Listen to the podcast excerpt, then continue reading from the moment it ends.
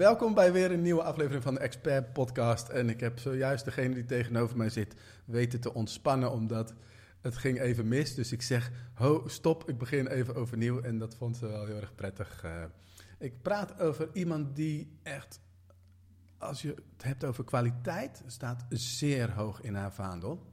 Haar boeken zijn ongelooflijk volledig. En vandaag gaan we het hebben over een aantal um, ja, ontwikkelingen die in lijn zijn daarvan. Het is een vrouw die trainers traint. En als jij trainer bent in Nederland of België, ongetwijfeld dan ken je haar. Want iedereen die kent haar. En we gaan het vandaag ook hebben over hoe heb je dat voor elkaar gekregen? Hoe is die expertstatus zo gegroeid? Wat heb je wel en niet gedaan? Het is, tromgeroffel, Karin de Galan. Welkom in de podcast. Dankjewel Hugo.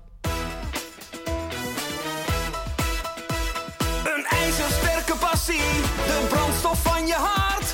Je wil hem laten spreken, maar je weet niet waar je start.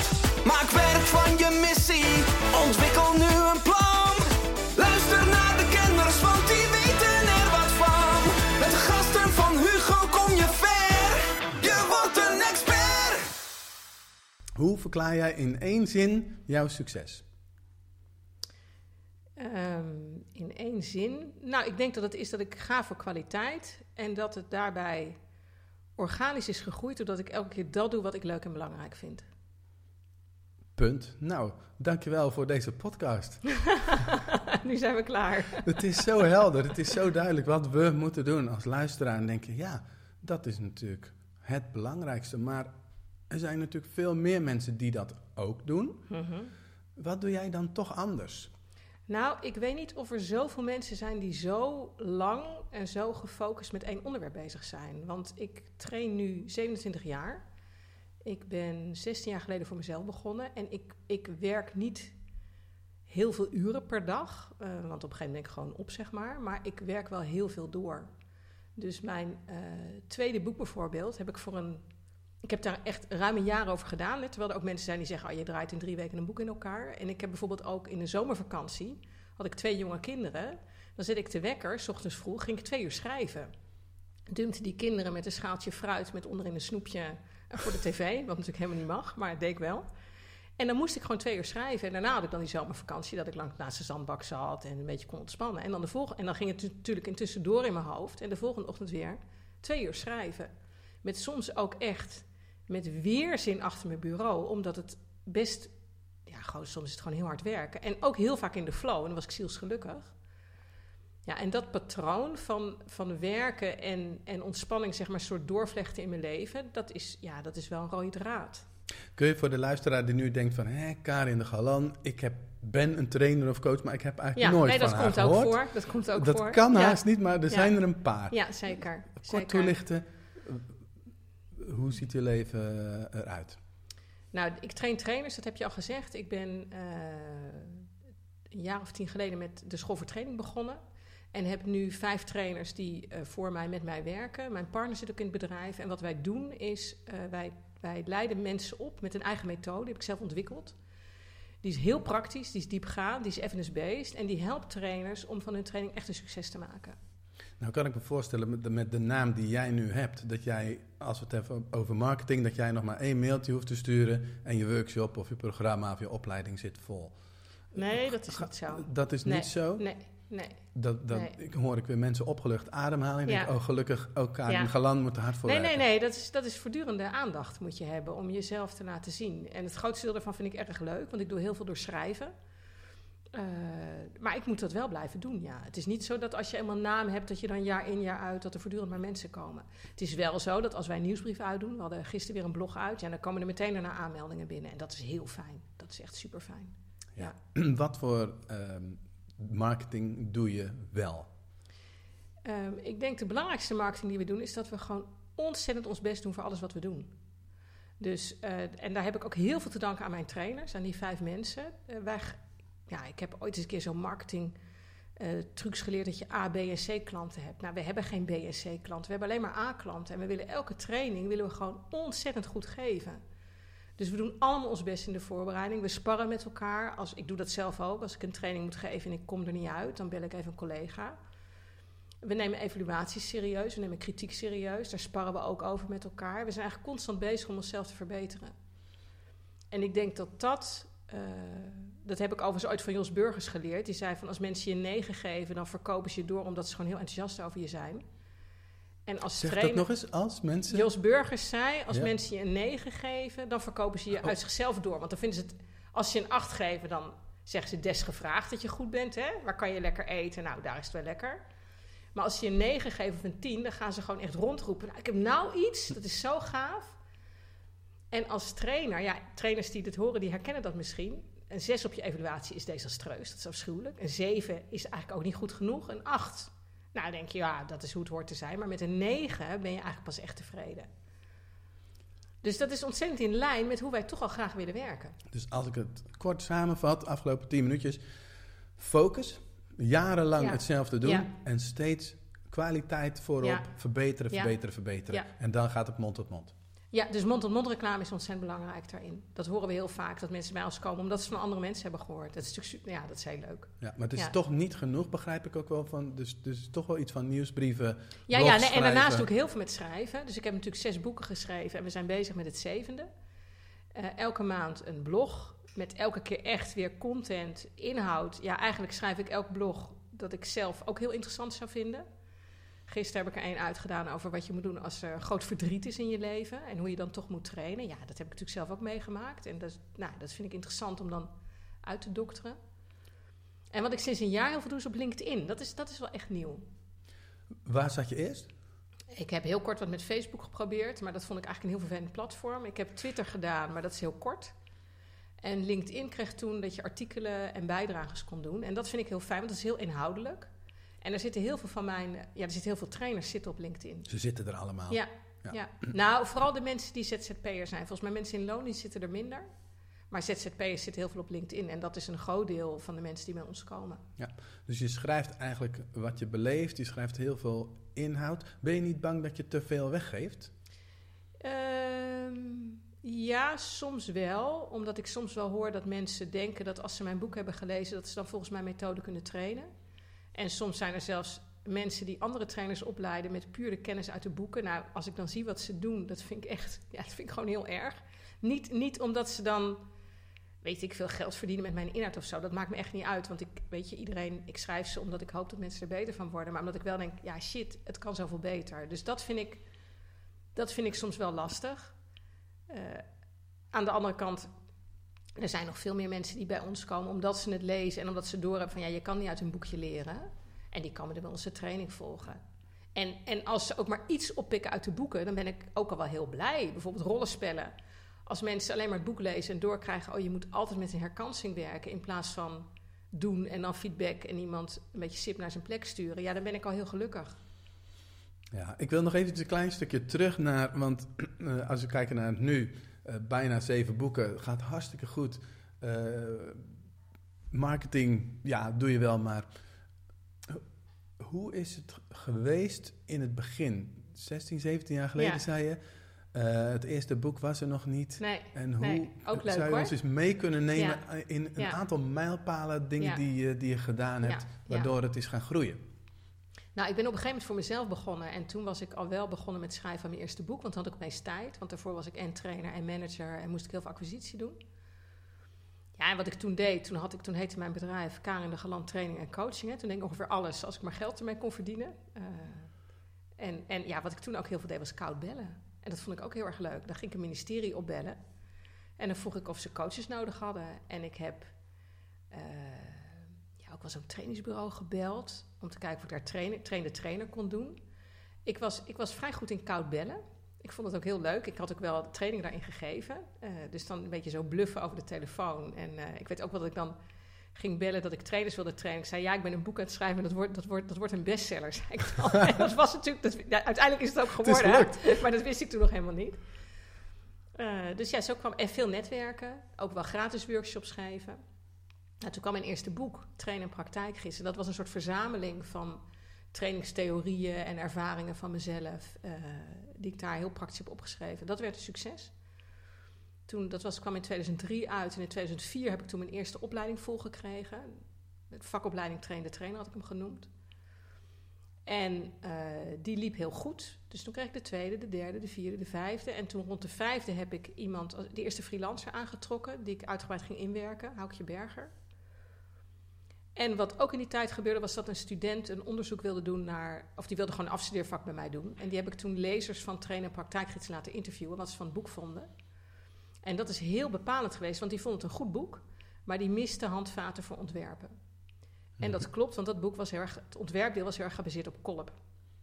En dat merkte ik in mijn opleiding ook. Kolp is eigenlijk helemaal geen goed houvast voor ontwerp. Sommige luisteraars haken nu misschien af. Die denken, kop, Ja. kop. eh, Leerstijlen van Kolp, leercirkel van Kolp is dat. Nou, als je afhaakt is helemaal niet erg, want hij, moet, eh, hij is helemaal niet meer zo relevant. Maar eh, voor, sommige trainers kennen hem wel. Veel trainers kennen hem, denk ik.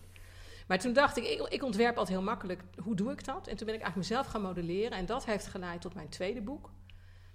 En dat heb ik wel eens gehoord bij fictie. Dat het tweede boek is eigenlijk nog belangrijker dan het eerste. En dat is in mijn geval ook. Want in dat tweede boek heb ik mijn eigen, eigen didactische methode beschreven. En daar ben ik echt op voort gaan borduren. En daardoor ben ik gaan groeien. Ik gaf laatst een trainer, trainer bij een organisatie en die zei: Ja, we hebben jouw training en we hebben laatst ook de springplank van, of de glijbaan, sorry. De glijbaan van, en de trap. Oh ja. Ja, van Ja. Karin Gelan hebben ze ook gehad. Ja, Dus, eh, ja. Wel, ja. welke orga- Oh, dat mag je natuurlijk niet zeggen. Welke Nou, Youth, dat Youth is. for Christ was het dus. eh, Oké. ja. Ja. Ja. Ja. En dus dat betekent, je hebt een eigen methode. Ja. En dat is ook heel erg bepalend geweest voor hoe het verloop is geweest. Ja, omdat dat een soort, soort merk geeft, een soort specialisatie geeft. En ook voor mij heel veel bevlogenheid. Want ja, je kan maar tot zover gaan om methodes van anderen leuk op te schrijven. Ik dacht ook, blijf bij mijn eerste boek, maar toen bij mijn tweede boek. Ja, dat is gewoon echt iets om uit te bouwen. En dat zijn we ook heel erg aan het uitbouwen. Ja. Zou je iedereen die expert wil worden, die nu luistert, aanraden om een eigen methode te ontwikkelen? Nou, dan wat, ja, wat versta je onder expert worden? Nou, eh, gezien worden als de expert in je vak is natuurlijk marketingtechnisch gewoon heel erg handig. Want Ja, weet je, dan willen mensen gewoon bij jou in de zaal zitten of willen ze gewoon ja, door jou geholpen worden. Dat is eigenlijk waar deze podcast over gaat. Ehm, en ik hoor jou zeggen van, nou, ik ben toen met mijn tweede boek mijn eigen Ja. eh, ontwerp eigenlijk gaan ontwerpen. En dat heeft enorm geholpen om, ja, Ja, ja, ja, dus moet Ja. je dan per se een eigen... Nee, dat geloof ik eigenlijk niet, omdat ik ook denk dat je... Ik denk dat het belangrijk is dat je heel goed ergens in bent. Maar je kan natuurlijk ook heel goed zijn in een model van iemand anders. Als je trainer bent over het voetlicht brengen. Dat je... Geweldloze communicatie is een hele bekende methode. Ik ken een aantal mensen die daar super goed in zijn. Die zijn, worden echt gezien als experts, maar die hebben het niet zelf verzonnen. Maar die zijn er wel heel erg goed in. Ja, maar de bedenker van dat model, die is natuurlijk degene waar je door getraind wil worden. Of, of moeten we nou, dat niet dat is volgens mij is dat niet zo. Want die mensen die ik ken, die waardeer ik heel erg. Daar zou ik echt zo door getraind willen worden. Die, die zitten een aantal bij mij in de opleiding. En ik leer daar heel veel van. Dus ik gebruik nu zelf ook thuis zeg maar geweldloze communicatie. Want door hun te zien, weet je wel, dan leer je het een beetje. En als ik ook kijk naar eh, ja, binnen mijn eigen school voor training, heb ik vijf trainers die mensen opleiden. Die doen dat supergoed. Die, die worden dan weer gevoed door mij en door mijn methode en doordat we sparren. Dus ik geloof niet dat je per se altijd bij de bedenker zelf moet zijn. Ja. Omdat bedenkers soms ook gewoon helemaal niet zulke goede coaches of trainers of adviseurs zijn. Want Nee, die hebben weer andere kwaliteiten.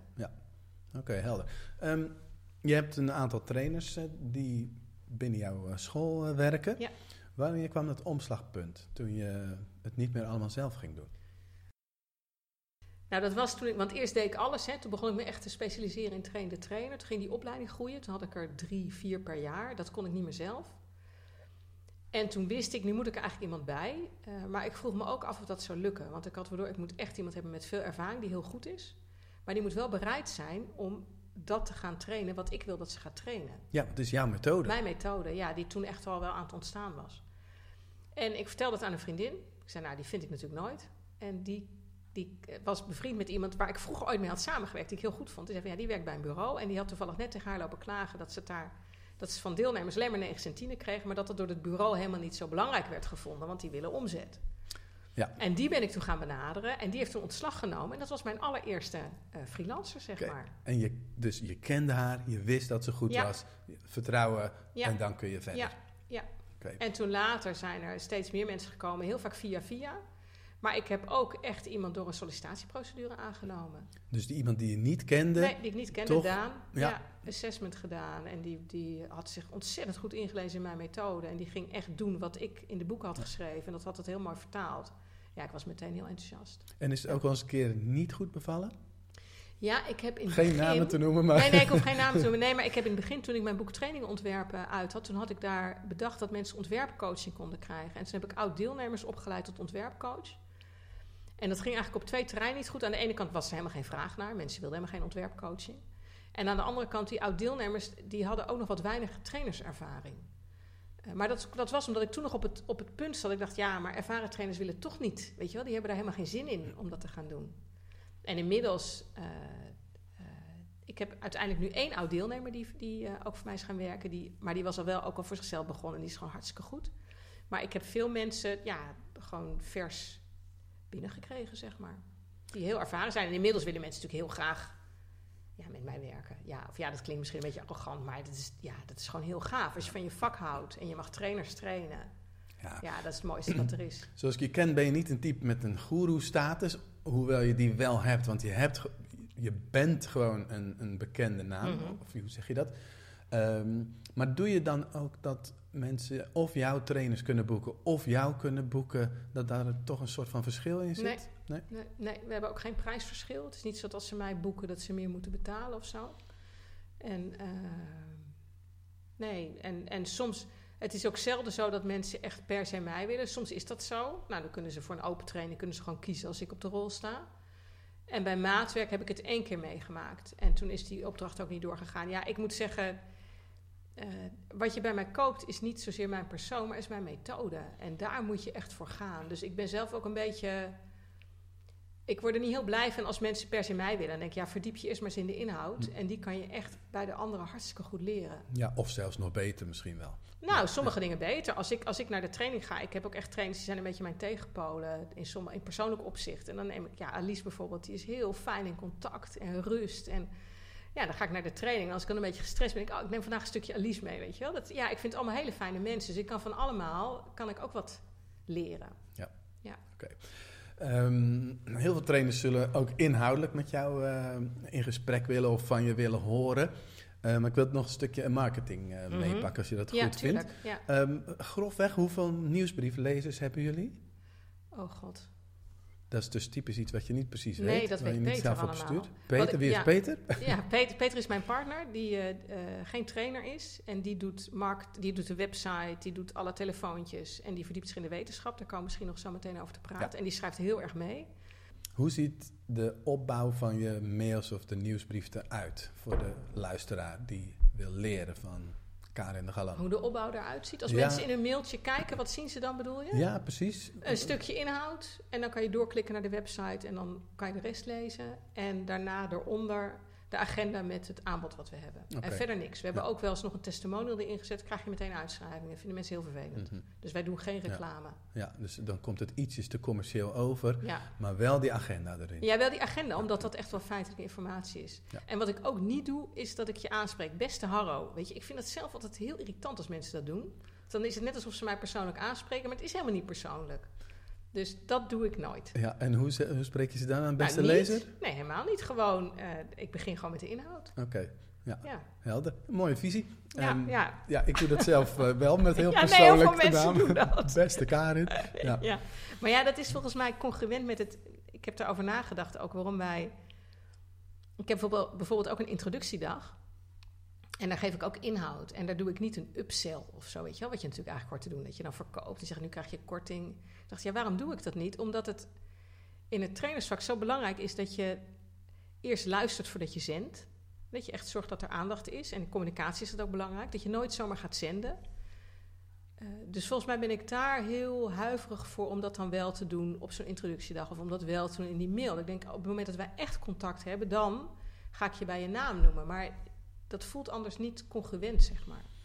Ja, ik vind dit wel super interessant, want ik eigenlijk altijd in de podcast gesprekken over, oké, maar weet je, moeten we dan werken met tijdsdruk? Moeten we werken met, eh, met Ja. schaarste, met kortingen? Ja, Ik hoor jou zeggen dat je het eigenlijk helemaal niet doet, hè? nee, nee, nee. En Nee, en ik lieg er ook nooit over. Dus soms zijn opleidingen bijna vol en dan zeg ik dat ze bijna vol zijn. Maar ik ga dat nooit zeggen als het niet zo is. Nee, helder. Maar je zegt het dus wel. Zo van, het is bijna vol. Want het is eigenlijk toch ook een beetje van... ehm, het is niet goed of fout, bedoel ik sowieso in het hele gesprek niet natuurlijk. Maar ik ben, ik ben gewoon nieuwsgierig van, oké, eh, hoe Nou is je ja, aanpak hierin? Voor mij, voor mij voelt dat als informatie. Dus als er over twee maanden een opleiding begint... Ik weet dat mensen ook wel eens mailen. Dan willen ze meedoen, dan zit die vol, zijn ze teleurgesteld. Ja. Dus dat vind ik dan wel feitelijke informatie. Dat je in zo'n Ja. nieuwsbrief zegt... joh, we hebben nog twee plekken voor de opleiding die over een maand start. Als je mee wil doen, wacht niet te lang. Ja. En natuurlijk denk ik dan stiekem ook wel... ik hoop dat dit mensen aanzet, want het is zo fijn als die opleiding vol Ja, zit. tuurlijk, Maar ja. dan, dan valt Ja. het wel voor mij nog binnen, de, Ja. binnen Nee, het goed. informeren. Je zou het kunnen kiezen om het weg te laten, maar je kiest ervoor om het wel te noemen. En het is heel feitelijke informatie. Ja. En dat is belangrijk dat ik meeneem in dit gesprek. Ehm, dat je soms gewoon het gevoel hebt dat je mega gemanipuleerd wordt ergens in. Ja, En ik, ik heb dat soort dingen ook gedaan en uitgeprobeerd. En dan zie ik altijd dat het werkt. Ja, dat is het ja, lullige ervan. het werkt is- wel. Ja. Dat is eigenlijk, ik baal af en toe van de mensheid, om het zo maar eens te zeggen, dat we dus zo geprogrammeerd zijn dat we hier gevoelig voor En wat zijn. dan? Wat, wat, ja, wat heb jij gebruikt Nou, dat dan werkt? Nou, eh, al is het maar gewoon dat je een vroegboekkorting Oh ja. toepast. En dat Ja. mensen boeken zolang er vroegboekkorting is. En als die periode dan voorbij is, dat er dan nauwelijks boekingen meer zijn. Maar dat is ook eh, Dat is toch bizar? shit. Ja, Ja, maar blijkbaar werkt het dus zo. Ja. En dan kun je dus zeggen van, nou, dan doen we gewoon wat de, de prijs van de workshop of de training Ja. wat duurder. Dan hebben we wat marge voor Ja. vroegboekkorting. En ja, ik paal gewoon van dat dat zo werkt. Maar ja, de meeste mensen die ik erover spreek, ja, die beamen het en die passen het toe. Want anders ja, heb je gewoon een minder volle zaal. Ja. ja. Nou, ik zal niet zeggen dat ik dat nooit zal gaan doen, weet je wel. Omdat ik natuurlijk ook... Ik wil uiteindelijk gewoon de trainingen vol hebben. En ik bof, want tot nu toe... Ze zitten bijna altijd vol. Niet altijd. Het voorjaar is altijd een wat lastigere tijd voor trainingen. Oké. Dus we hebben nu net twee opleidingen in het voorjaar die zijn gestart en die zitten dan acht mensen in in plaats van twaalf. Maar in het najaar zat alles vol met twaalf. De opleidingen, de trainingen. de- de- dus, dus, dus ik hoef het ook niet te doen. Dus dat En- maakt natuurlijk ook makkelijker om daar dan eh Ja, er is natuurlijk, te zijn. ja, sorry. Er is natuurlijk ook gewoon feitelijk een deadline. Want je moet voor een bepaalde datum moet je aangemeld hebben. Want die opleiding gaat gewoon starten. Ja, ja, ja. ja, maar dat kan soms nog de dag van tevoren. Als er Ja. nog plek is. Ja, maar er is een keuzemoment van, ja, doe nee, ik dat wel is of ook niet zo. mee. Nee, dat is ook Ja. zo. Goh, ja. nou, ik denk dat de meeste mensen die nu luisteren zoiets hebben van, "Oh, ik wil dat ook. Gewoon zonder die ja, beïnvloedingstechnieken. Gewoon ehm, ja, de groep vol hebben zitten. Ja, En soms dan niet helemaal. Maar dat is dan ook oké voor jou. ja. Marketing. Hm. Het is soms niet ons eigen ding. Houden je liever met de inhoud bezig. Waar zit jij ehm, op, die, op die schaal van... Nou, ik vind het allebei leuk of ik vind het ene wel leuk en het andere niet leuk. Hoe Eh, nou, ik vind het niet zo vervelend hoor, om te doen. Ik vind het eigenlijk wel leuk volgens mij. Ik vind, eh, ik vind schrijven heel leuk. En, en ik vind het contact heel leuk. Dus wat ik heel leuk vind aan LinkedIn, wat ik nu sinds een jaar ben gaan doen, is dat er altijd reacties komen van mensen. Dus het voelt niet alsof je roepen in de woestijn bent of zo. Dus dan zijn er oud-deelnemers die reageren of op een blog. Dat ze vinden dat het mooi is verwoord. En dan kan ik er wel op reageren. Dus eigenlijk, ik ervaar daarin eigenlijk wel hetzelfde als in mijn trainingen. Dat, dat je gewoon met vakgenoten eh, contact hebt. Ja. Oké, zo simpel is het dus eigenlijk. Gewoon goede blogs. Ja, maar misschien komt dat ook wel doordat ik niet bezig ben met trucjes. Of, of dat het doel... Het doel is niet daarmee meteen om een groep vol te krijgen. Het doel is dat ik denk, ik heb iets te delen. En dat vind ik leuk om te delen.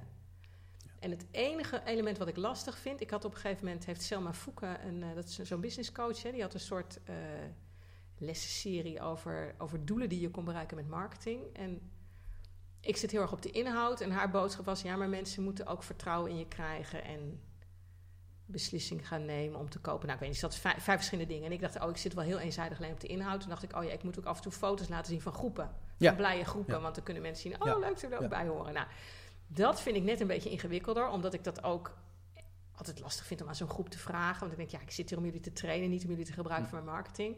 Dus dat is het enige waar ik soms even een drempel over moet. Nou, ik moet zeggen, voor de mensen die natuurlijk jouw website nog nooit gezien hebben... Wat je heel goed doet, social proof maken, is dat er nu groep 25 of iets dergelijks Oh ja, maar dat is gewoon praktisch. Ja, Ja, ja. dat is heel praktisch. Ja. Maar het heeft ook zoiets van, wow, die is steady Nou, al de, heel lang. de trainer al groep 60 hè, najaar. Kijk eens aan. 60ste groep. Ja, maar besef wat dat onbewust dus Ja, doet dat met is waar. mensen. Ja, En dus je doet het wel, maar op je hele eigen praktische ja, manier. het is gewoon hand- handig nummeren. Ja, Ja. Ja. maar het heeft echt wel impact, Ja. vind ik. Ja. Nou ja, dan denk ik ook, denken mensen dan niet... Nou, met 60 zullen ze er wel een keer op uitgekeken zijn. Eh, nee, dat kan je ook denken. blijkbaar vind je het nog steeds heel erg leuk. Ja, wij vinden En elke nieuwe groep geweldig. als één Ja. ding belangrijk is, heb ik zelf eh, geleerd de afgelopen jaren, is de consistentie. Steeds hetzelfde Ja. blijven doen. Jij doet dat dus al 17 jaar. Ja. En eh, ik ben een aantal keer eh, geswitcht. En de- mensen vinden dat gewoon lastig om dan Ja. te volgen. Hugo, Ja. wat doe je nou weer? Ja. Weet je? Dus ik heb me nu ook echt gecommitteerd aan eh, Expert Academy. Hugo, jij gaat dat minimaal zeven jaar doen. en Zeven je gaat het ook uitspreken. Ik heb nog nooit Ja. iets langer dan drie Maar jaar jij hebt gedaan. waarschijnlijk eh, veel, veel meer interesses dan ik.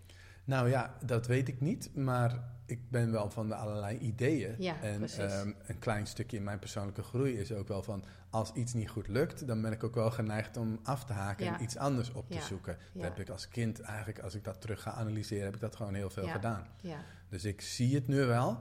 Eh, ik herken het. En dan is bewustzijn natuurlijk ook... Ja, wat besluit je daar dan over? ja, dus het is iets positiefs, hè, dat je andere dingen leuk vindt. Maar het is ook iets dat je denkt, ik, ik geef een beetje snel op. Ik moet eigenlijk Ja. eh, doorzetten. Precies. Ja. Ja. Dus dat is iets wat ik kan leren. Daarom ga ik bijvoorbeeld ook Kilimanjaro beklimmen. En Oh, dat soort eh, gewoon symbolische dingetjes. Ja, Ja, ja. dat doe ik gewoon om mezelf daarin te trainen. ja. Ja. ja. Nou, dat is denk ik, als je het hebt over mijn succesfactor, is wel van ik, want ik werk samen met Peter, hè, mijn partner, dat is echt de ideeënman. Dus die bedenkt voortdurend dingen die we ook kunnen doen. Eh, en ik ben echt van, ik bedenk één ding en dat maak ik af. Ja. En dan tegen de eindfase. En dan komen er wel ideeën op, die noteer ik allemaal. Want ik heb altijd wel honderd dingen die ik graag nog... Nou nee, ik heb drie andere dingen die ik nu ook wel graag zou willen doen, maar die noteer ik. En pas als het af is, dan ga ik het volgende doen. Ja. En kijk Ja. je dan echt letterlijk in dat boekje of zit dat idee wel gewoon echt in Nee, je nee, hoofd? we hebben, we hebben een soort document waarin we dat soort ideeën opschrijven. Ja. Ja. om het vast te houden.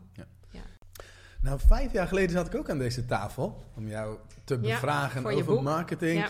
Ging eigenlijk over ongeveer hetzelfde voor het boek gevraagd worden. Vijf jaar verder. Wat is er in die vijf jaar gebeurd? Veranderd, verbeterd, eh, Ja. teleurstellingen? Help, vertel. Ehm, ik denk wat het belangrijkste... Nou, er zijn eigenlijk twee belangrijke dingen veranderd. Dat is dat we internationaal zijn gegaan en eh, dat we de wetenschap hebben ontdekt. Kijk, En die laatste, de wetenschap, ja, dat, dat had ik het al eerder, noemde ik dat even kort. Dat Peter, mijn partner, die is eigenlijk wetenschapper van achtergrond. Ik ben natuurlijk een ongelooflijk praktijkmens. En hij is vijf jaar geleden, ongeveer rond die tijd, iets later denk ik, is gaan kijken wat is nou geschreven over leertheorieën, wat is er aan wetenschappelijk onderzoek over wat trainen wel of niet succesvol maakt. En viel Kolp toen door de mand? Nou, Kolp was er door de mand gevallen. Oké. Ja, Kolp is überhaupt wetenschappelijk echt helemaal niet bewezen. Of nou, ja, daar moet ik een beetje mee uitkijken, maar dat is niet zo doorvrocht. En praktisch gezien was ik er zelf al van afgestapt. Oké, sorry eh, dat ik je onderbreek. Het, het is natuurlijk super interessant om eh, over de inhoud van het onderzoek te gaan hebben. Maar eerst nog de vraag van, wat was dan eh, voor jullie ja, aanleiding om die wetenschap te gaan, erbij te gaan pakken? Nou, dat was eigenlijk zo'n nieuwsgierigheid van Peter. Omdat hij, hij, eh, hij vindt het natuurlijk wel leuk als alles praktisch bewezen is. Maar in wezen zijn dat elke keer N is één. Hè? Er is weer een groep die tevreden is, weer een groep die tevreden is. En hij was wel benieuwd, kan je iets aanvullen vanuit de wetenschap? Daar was ik ook benieuwd naar.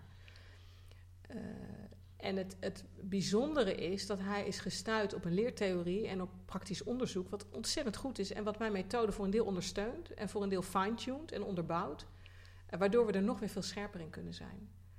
Ja, dat is echt geweldig. Ja, wat, Ja. wat hebben jullie geleerd? Nou, bijvoorbeeld dat mensen. Kijk, in Nederland is er een soort stroming dat het. Eigenlijk heb je twee grote valkuilen in trainingen. Je hebt aan de ene kant degene die één grote PowerPoint-presentatie maakt met aan, aan het eind een casus. En je hebt trainers die willen de groep alles zelf laten ontdekken. En dan zijn er allerlei leuke werkvormen waarbij mensen zelf allerlei ontdekkingen en eye-openers doen, maar er wordt heel weinig ingetraind.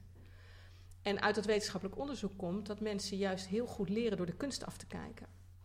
Dus dat je als trainer je groep dient door ze bijvoorbeeld door bijvoorbeeld een demonstratie te geven van een lastig gesprek. Te laten zien, kijk, zo kun je dat doen. En dan een checklist te geven, kijk, dit zijn de punten hoe je dat moet doen. En het grappige is, als ik dat aan leken vertel... ik had het met mijn pedicure over, dat is, ja, logisch moet je dat doen, hè, want ja, die Ja. heeft zo les gehad. Maar binnen de wat meer cognitievere training is dat best ongebruikelijk, hè, binnen gespreksvaardigheden. En het is wel in lijn ook met mijn methode, dat je als trainer niet een soort verkapte procesbegeleider bent, maar dat je ook echt expertise meebrengt. En daar didactisch slim je groep in meeneemt.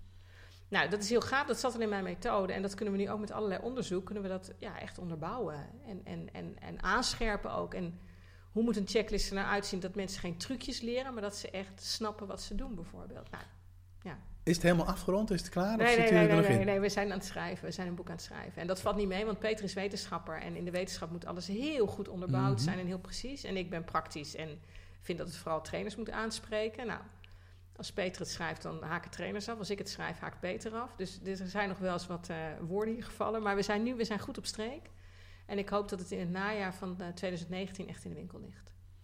En het is, het is zo leuk om weer een stap verder te komen in het vakgebied. Ja, ik Ja. geloof dat, ehm, ja, dat, dat het boek heel goed ontvangen zal worden. Want ik Ja, herken heel erg je... Ja, herken je wat ik zeg? Nou, ik zit natuurlijk meer, of natuurlijk, ik zit met 101 werk voor me, bewust ook aan die kant van meer doen en laten ervaren. hè, Mhm. want dat is juist wat ik meer wil inbrengen in, eh, in het geheel.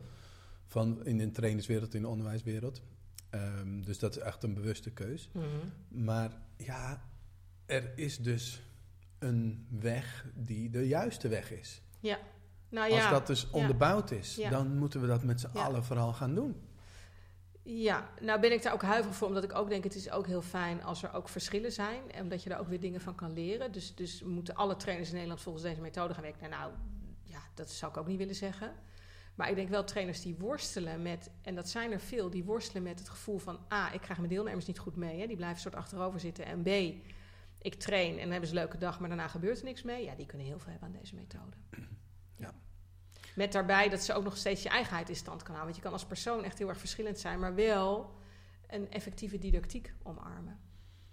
Ja. Ja. Ja. Nou, dus daar kijk je naar uit. Ja, ja, dat is heel. eh, ja, dat, ik leer er zelf ook weer heel veel van. En uiteindelijk schrijf ik daar ook mijn boeken voor om andere trainers te helpen, maar ook om zelf weer verder te komen. En wat was het tweede? Wat, wat Ja, het tweede, nou, dat is ook superleuk. Dat is dat we internationaal zijn gegaan. Ik had al wel een, een collega die heel veel in Amerika traint. En die zei van, ja, die methode die valt er hartstikke goed. En we hebben nu een Belgische klant gehad waar Belgen en Fransen in zaten. Die een verkooporganisatie is. Die moesten overal verkopers trainen. Die hebben wij tien dagen lang opgeleid. En dat is geëindigd met dat zij eh, korte trainingen gaven van drie kwartier aan mensen die... Nou, er zat iemand uit Rusland, uit China, uit Turkije, Amerika, echt overal vandaan. Ja, en die mensen waren laaiend enthousiast over de methode. En dat is heel gaaf, want zeker nu ook met dat wetenschappelijk onderzoek, die leertheorie is universeel, want dat is hoe mensen leren. Maar ik vermoed dus dat mijn didactische methode ook universeel is. Dat die echt heel veel mensen, ja, ook buiten Nederland kan helpen. Dus een wens is ook nog wel om dat verder uit te gaan bouwen en naar een vertaling te gaan. Maar goed, we willen nu eerst dat boek van de wetenschap af hebben. En dan gaan we dat spoor verder verkennen. En dat spoor verkennen, dat is denk ik interessant voor de luisteraar die ook internationaal wil. Want als je het nu al zou weten, hoe zou je het dan aanpakken? Nou, eerst gewoon zorg voor een goed boek. Mhm. Dan een uitgever zoeken en er een website bij maken. Met waarschijnlijk korte filmpjes. eh, zodat mensen ook echt ja, uit, Rusland, uit Rusland in kunnen loggen en kunnen zien wat wij doen. Maar hoe bereik je die mensen in Rusland? Nou, dat weet ik nog niet zo goed. Maar ik heb daar nooit zo erg over nagedacht. Ik ben altijd begonnen met gewoon maar dingen de wereld in te gooien. Ja. En ik denk als het echt goed is, ja, dan komt er denk ik ook daar wel weer een soort mond-tot-mond reclame. En nou, dat moet ik eigenlijk De nog zien. organische weg dus vooral. Ja, de organische weg. En, en het is ook, ik denk daar nog niet veel over na, omdat eerst dat wetenschapsboek af moet. Weet je wel? En dan Ja, komt het volgende Even geparkeerd. Oké, Ja, dus goed ja. voor de heel veel luisteraars die eh, heel veel ideeën hebben. Ideeën mag je gewoon parkeren, Ja, opschrijven, eerst afmaken wat je aan het doen bent. ja. Dus dat is wat we sowieso van Karin kunnen leren. Ja. En het laatste wat nog is veranderd, dat bedenk ik nu ook, is dat ik, ik had een trainersopleiding, eh dat is de meest grondige opleiding die we hebben voor gedragstrainers, en een opleiding van deskundige naar trainer voor inhoudelijke trainers. En afgelopen jaar ben ik een opleiding begonnen voor hele ervaren trainers, die wat korter is. En die wat minder eh, verplichtingen geeft. Geen oefengroep bijvoorbeeld. Omdat het mensen zijn die heel veel trainen en het allemaal zelf kunnen toepassen. Eh, didactisch meesterschap. En dat is ook superleuk. Omdat dat mensen zijn die, die zoveel trainen, die nog niet weten wat ik ze kan leren, zeg maar. Omdat, ja, dat leer je niet ergens anders. Maar die wel meteen doorhebben wat het hun oplevert. Dus die ja, hebben een dag bij mij getraind, dan gaan ze meteen toepassen. En dan krijg ik resultaten terug. En, eh, en dat is echt een nieuw, ja, nieuwe lood aan de stam, zou je kunnen zeggen. Is het een eendaags? Nee, zeven dagen met veel supervisie en leeromgeving erbij. Nee, het is echt wel een opleiding. Dus mensen zijn echt een dik een half jaar bezig eh, om dat te leren. Ja. Hoe ga je die mensen benaderen? Ik Marketingtechnisch? eh, ja, vlak? ja, nou, ik ben begonnen met gewoon binnen mijn eigen netwerk het uit te zetten. Het staat op de website. En ik heb laatst bijvoorbeeld ook iemand die had zich voor een driedaagse opgegeven. En ik zag in zijn LinkedIn-profiel dat hij heel ervaren was. Die heb ik gemaild. Ik zei, ja joh, hartstikke welkom bij de driedaagse. Maar als je dit wil, is deze zeven dagen dan niet veel interessanter voor jou? Nou, gebeld en die doet nou mee. Dus ik vis wel een beetje ook die mensen eruit waarvan ik denk... ja, het is eigenlijk zonde als je maar drie dagen doet. Je kan echt wat hebben aan deze opleiding. Nou, interessant. Ja, dus dat is eigenlijk weer, dat is gewoon heel direct. Ik heb nog een aantal vragen van, eh, van mensen die, ehm, ja, die, eh, hoe zeg je dat? Op internet heb ik gewoon een vraag gesteld van, joh, Oh, Karin serieus? Gelan eh, straks interviewen, wat wil je ze vragen? Oh, wat leuk. Dus, ik heb niet gezien. Die wil ik nu met je doornemen. Ehm, ik heb nog een vraag van een. Het is niet een kijker of luisteraar, maar iemand waar ik het aan gevraagd had in een eh, Facebookgroep. Ja. Loes. Die vraagt: ehm, Wat is je meest recente inzicht over de manier van werken die jij toepast? Nou, ik denk dat is een aansluiting op dat wetenschappelijk onderzoek. Wat ik, wat ik echt heb geleerd is... Kijk, in mijn methode, ik ben altijd heel erg fan van checklisten. Niet uitgebreide PowerPoint-presentaties, maar gewoon een lijstje voor je deelnemers van... zo moet je een slecht nieuwsgesprek doen. En de kritiek die dat vaak opleverde van mensen was... ja, maar dan leren mensen kunstjes. Veel mensen zijn heel blij hoor, met die checklisten. Maar sommige trainers zeiden ook, ja, leren mensen kunstjes. En ik nam dat nooit heel erg serieus, omdat ik dacht... ja, kunstjes, je moet toch eerst simpel leren... voordat je het complex kan toepassen. Maar wat uit dat wetenschappelijk onderzoek blijkt, is als je de checklist te veel als een script maakt, dus te veel letterlijke tekst, en dan leren mensen inderdaad een kunstje. Dan kunnen ze het wel reproduceren in dezelfde situatie, maar kunnen ze het niet generaliseren. En het grappige is dat wij zelf al bezig zijn, waren om bij die checklist dat je ook een soort werkend principe erbij moet vertellen. Maar dat is dus heel erg lijn met dat onderzoek. Dus ik snap nu de weerstand. Ik vind het ook echt wel een beetje naar van mezelf dat ik dat eerder niet heel erg serieus heb genomen. Want eigenlijk vind ik dat je weerstand altijd heel erg serieus moet nemen. Mensen zijn niet dom, zeg maar. Eh, maar ik ben dus heel blij mee dat ik achteraf nu zie: oh ja, dat is er aan de hand. En ze hebben gewoon, ze hebben voor een deel gelijk.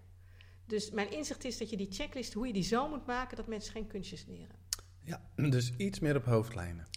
Nee, dat niet, want het moet nog wel heel precies, maar het effect moet duidelijk zijn. Hm. Dus als er staat van eh, leef mee met de emotie, dan moet duidelijk zijn dat je niet, ja, leef mee met de emotie, dan krijg je ik snap wat u bedoelt of ik snap dat u boos bent. Maar leef mee met de emotie, zodat de ander zich gehoord voelt en kan kalmeren bijvoorbeeld. Dan, dan kan je intunen als, dan kan je kijken hoe gaat het met de emotie en doe ik het goed? Of moet ik ook even koffie halen bijvoorbeeld, wat niet op de checklist staat, maar wat wel heel functioneel is. Ik zit ondertussen gewoon ook na te denken van... want Ik had mijn klanten, dat zijn ondernemers die webinars eh, wilden Mhm. geven. Er was een eh, masterclass over gegeven en ik had ze een template gegeven, een PowerPoint van een salespresentatie, eigenlijk een webinarpresentatie met een pitch aan het eind. Ik had helemaal voorgekoud. Ja, En dat ik dacht juist dat dat heel erg goed was, omdat ze eigenlijk alleen maar hun eigen teksten in hoefden te Ja. vullen, andere plaatjes te doen en bam, klaar. Ja, dat kan ook heel goed zijn als het eenduidig is. Als het een eenduidige procedure is, is het goed. Net als bij een computerprogramma. Dan moet je gewoon weten, doe dit, doe dat, doe Ja. dat, doe dat. Want ik had eigenlijk per dia uitgelegd wat Ja. het doel van die dia was. Oké, maar met het doel, dan heb je dus het beoogde effect erbij. Ja. Snap je? Dus dan heb je en het concrete gedrag en het beoogde effect. En dan kunnen mensen gaan variëren. Ja, ik had eigenlijk letterlijk dus het doel van die dia en dan eronder de letterlijke tekst. Hoe, hoe je dat moet doen. Ja. Nou, dat zou heel Dus, effectief kunnen zijn. En merkte je dat ze ermee uit de voeten konden? Nou, mijn, een van mijn grootste frustraties is nog steeds dat ze dan wel committeren om binnenkort een webinar te gaan geven, maar het vervolgens nog niet doen. Dus dan is er toch nog iets wat hen tegenhoudt. Ja, maar dat is natuurlijk ook zo. Dat, blijkt, dat is natuurlijk ook zo. Alleen het, ja, je moet ze het voordoen. Ze moeten de checklist krijgen. Je moet ze dwingen om het na te doen. Je moet ze feedback geven. En dan moet je ze nog dwingen om in het echt te doen. En dan Ja. pas gaan mensen het echt doen. Ja, nou, dat, Dat wordt ietsjes duurder, want het gaat Ja. veel meer van mijn tijd Ja, nee, dat kosten. is ook zo. Trainen is veel duurder Ja. dan alleen maar informatie geven. Ja. Ja. Nee, en dit was inderdaad een informatie. Ja, en dan, nee, dan is het misschien 5% die er wat mee doet. Ja. Helder. Ja. En dan had ik nog een vraag van Jitske. En die vroeg zich af: hoe ga je nou om met mensen die in een training zitten en die heel veel weerstand hebben. En die aan het eind dan zeggen van: Nou, leuke training, maar ik heb niks geleerd. ja, ik voel het meteen in mijn maag. Dat vind ik echt afschuwelijk. Ja. Wat vind je afschuwelijk eraan? Nou, dat, dat, dat, sowieso merk ik het natuurlijk dan al tijdens de training. Hè. Je merkt als je tegen zo'n muur aan zit. En als een, als een deelnemer aan het eind zegt dat hij niks geleerd heeft. Ja, dat is gewoon heel naar. Dat is natuurlijk niet waar ik het voor doe. Dus ja, hoe ik ermee omga is ter plekke ben ik dan de trainer. Dus dan is het gewoon dat horen en ook vooral meeleven met die ander. Want het is voor de deelnemer zelf ook afschuwelijk. Daarna ben ik echt heel verdrietig en boos. Eh vind ik echt in de erg. auto op En- ja, huis? en s'nachts ook, weet je wel, komt zo'n Ja. deelnemer langs. En daarna ga ik leren. Dus daarna ga ik echt kijken, waar heb, wat, wat, is, wat is binnen mijn cirkel van invloed, wat had ik anders kunnen doen. En het grappige is dat ik meteen, ik heb niet vaak dit soort deelnemers gehad. Eh, maar bijvoorbeeld van de trainersopleiding, hè, waar we nu de 60ste van gaan starten, hè, dus 60 keer 12, nou weet ik veel hoeveel mensen. Ik kan ze op de vingers van één hand tellen die niet tevreden zijn geweest. En ik weet bij allemaal precies wat wij anders hadden kunnen doen. Ja. Het zijn natuurlijk ook altijd mensen zelf, dat weet ik ook. Hè, dat zeggen je doet het, je maakt het samen. Dus je bent niet almachtig daarin. Maar ik denk wel dat het als trainer. Ja, is het gewoon. Ik, ik vind het belangrijk om dan wel te onderzoeken waar het in zit. En als ik er weer van heb geleerd, dan kan ik het ook wel enigszins loslaten. Ja, ik weet het natuurlijk nog wel, maar dan kan ik het wel. Dan denk ik, ja, oké, dat iedereen mag leren. Ik mag ook leren. Ja. Maar leuk is het niet. Het is volgens mij echt de horror van heel veel trainers. Ja, een mooie vraag. Ik las eh, laatst een eh, stukje van jou, wat mij ook hielp, op LinkedIn. Dus eh, Mhm. daar word je gezien door mij. Ehm, dat heel veel trainers ook een bepaalde nachtmerrie hebben. Van Ja, dat het ja, eigenlijk eh, ja. eh, orde houden. Ja, leuk hè? Ja, heel leuk, want ik herkende hem. Ja, ja. En ik zal voor de luisteraar die denkt van, eh, waar heb je het over Hugo? Eh, Karin schreef van, heel veel trainers hebben een bepaalde nachtmerrie. En dat is dus van, ja, dat er geen orde is in de klas of in, in, eh, in de training. Kleintjes of grote, grote mensen, maakt niet uit. En ik herken dat, dus ik heb heel vaak s'nachts wakker gelegen. Mhm. En dat ik dan die klassen van vroeger, want vroeger gaf, gaf ik les aan eh, kids. Ja. En later aan grote kids. En ik vond het verschrikkelijk, maar jij schreef dus iets wat mij heel erg hielp. Misschien is het leuker als jij het... Nou, het grappige is dat ik de trainer, onder trainers is het bekend, hè, tra- de trainersnachtmerrie is een groep die niet doet wat je wil of nou ja, heel ver weg staat. En ik hoorde deze zomer een, eh, op de radio, eh, ging Bas Klinkhamer ging dromen verklaren. En er was een leerkracht die zei, ik heb elke zomer, voordat mijn klas weer begint, heb ik die droom, nou, zo'n nachtmerrie van die klas is niet in de hand te houden.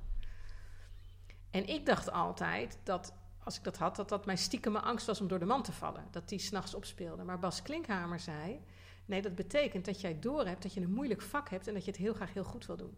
Nou, dat vond ik zo'n leuke verklaring. Dus ik label hem nu veel positiever. Ja. Ja, ja dat klopt ook. Ja. En het, het, dat het elke training ook weer een beetje spannend is, dat zorgt er ook voor dat ik elke keer, en mijn collega's ook, dat je elke keer weer tot het gaatje gaat, dat je echt je best doet. En dat is wel nodig, want je kan niet, als je een taart bakt en hij is mislukt, kan je hem opnieuw bakken. Maar bij die groep moet je echt op het moment zelf reageren. Dus je moet toch een beetje, ja, echt je, jezelf eh, ja, goed voelen. Ja, het feit dat het mensenwerk is, maakt het het, is echt best uitdagend. Ja, het En, blijft altijd weer uitdagend. nou, die droomverklaring hielp mij ook enorm dat ik zoiets had van... oké, het is juist door de passie voor mijn werk... Ja, dat is het, hè? ik, dat zit ik passie die spanning voel, dat ik... Ja. Ik denk mensen die nooit, nooit een beetje gespannen zijn voor een training... of nooit een keer echt zenuwachtig... dan denk ik, ja, dan kan ik me niet voorstellen dat je diezelfde passie hebt voor je werk.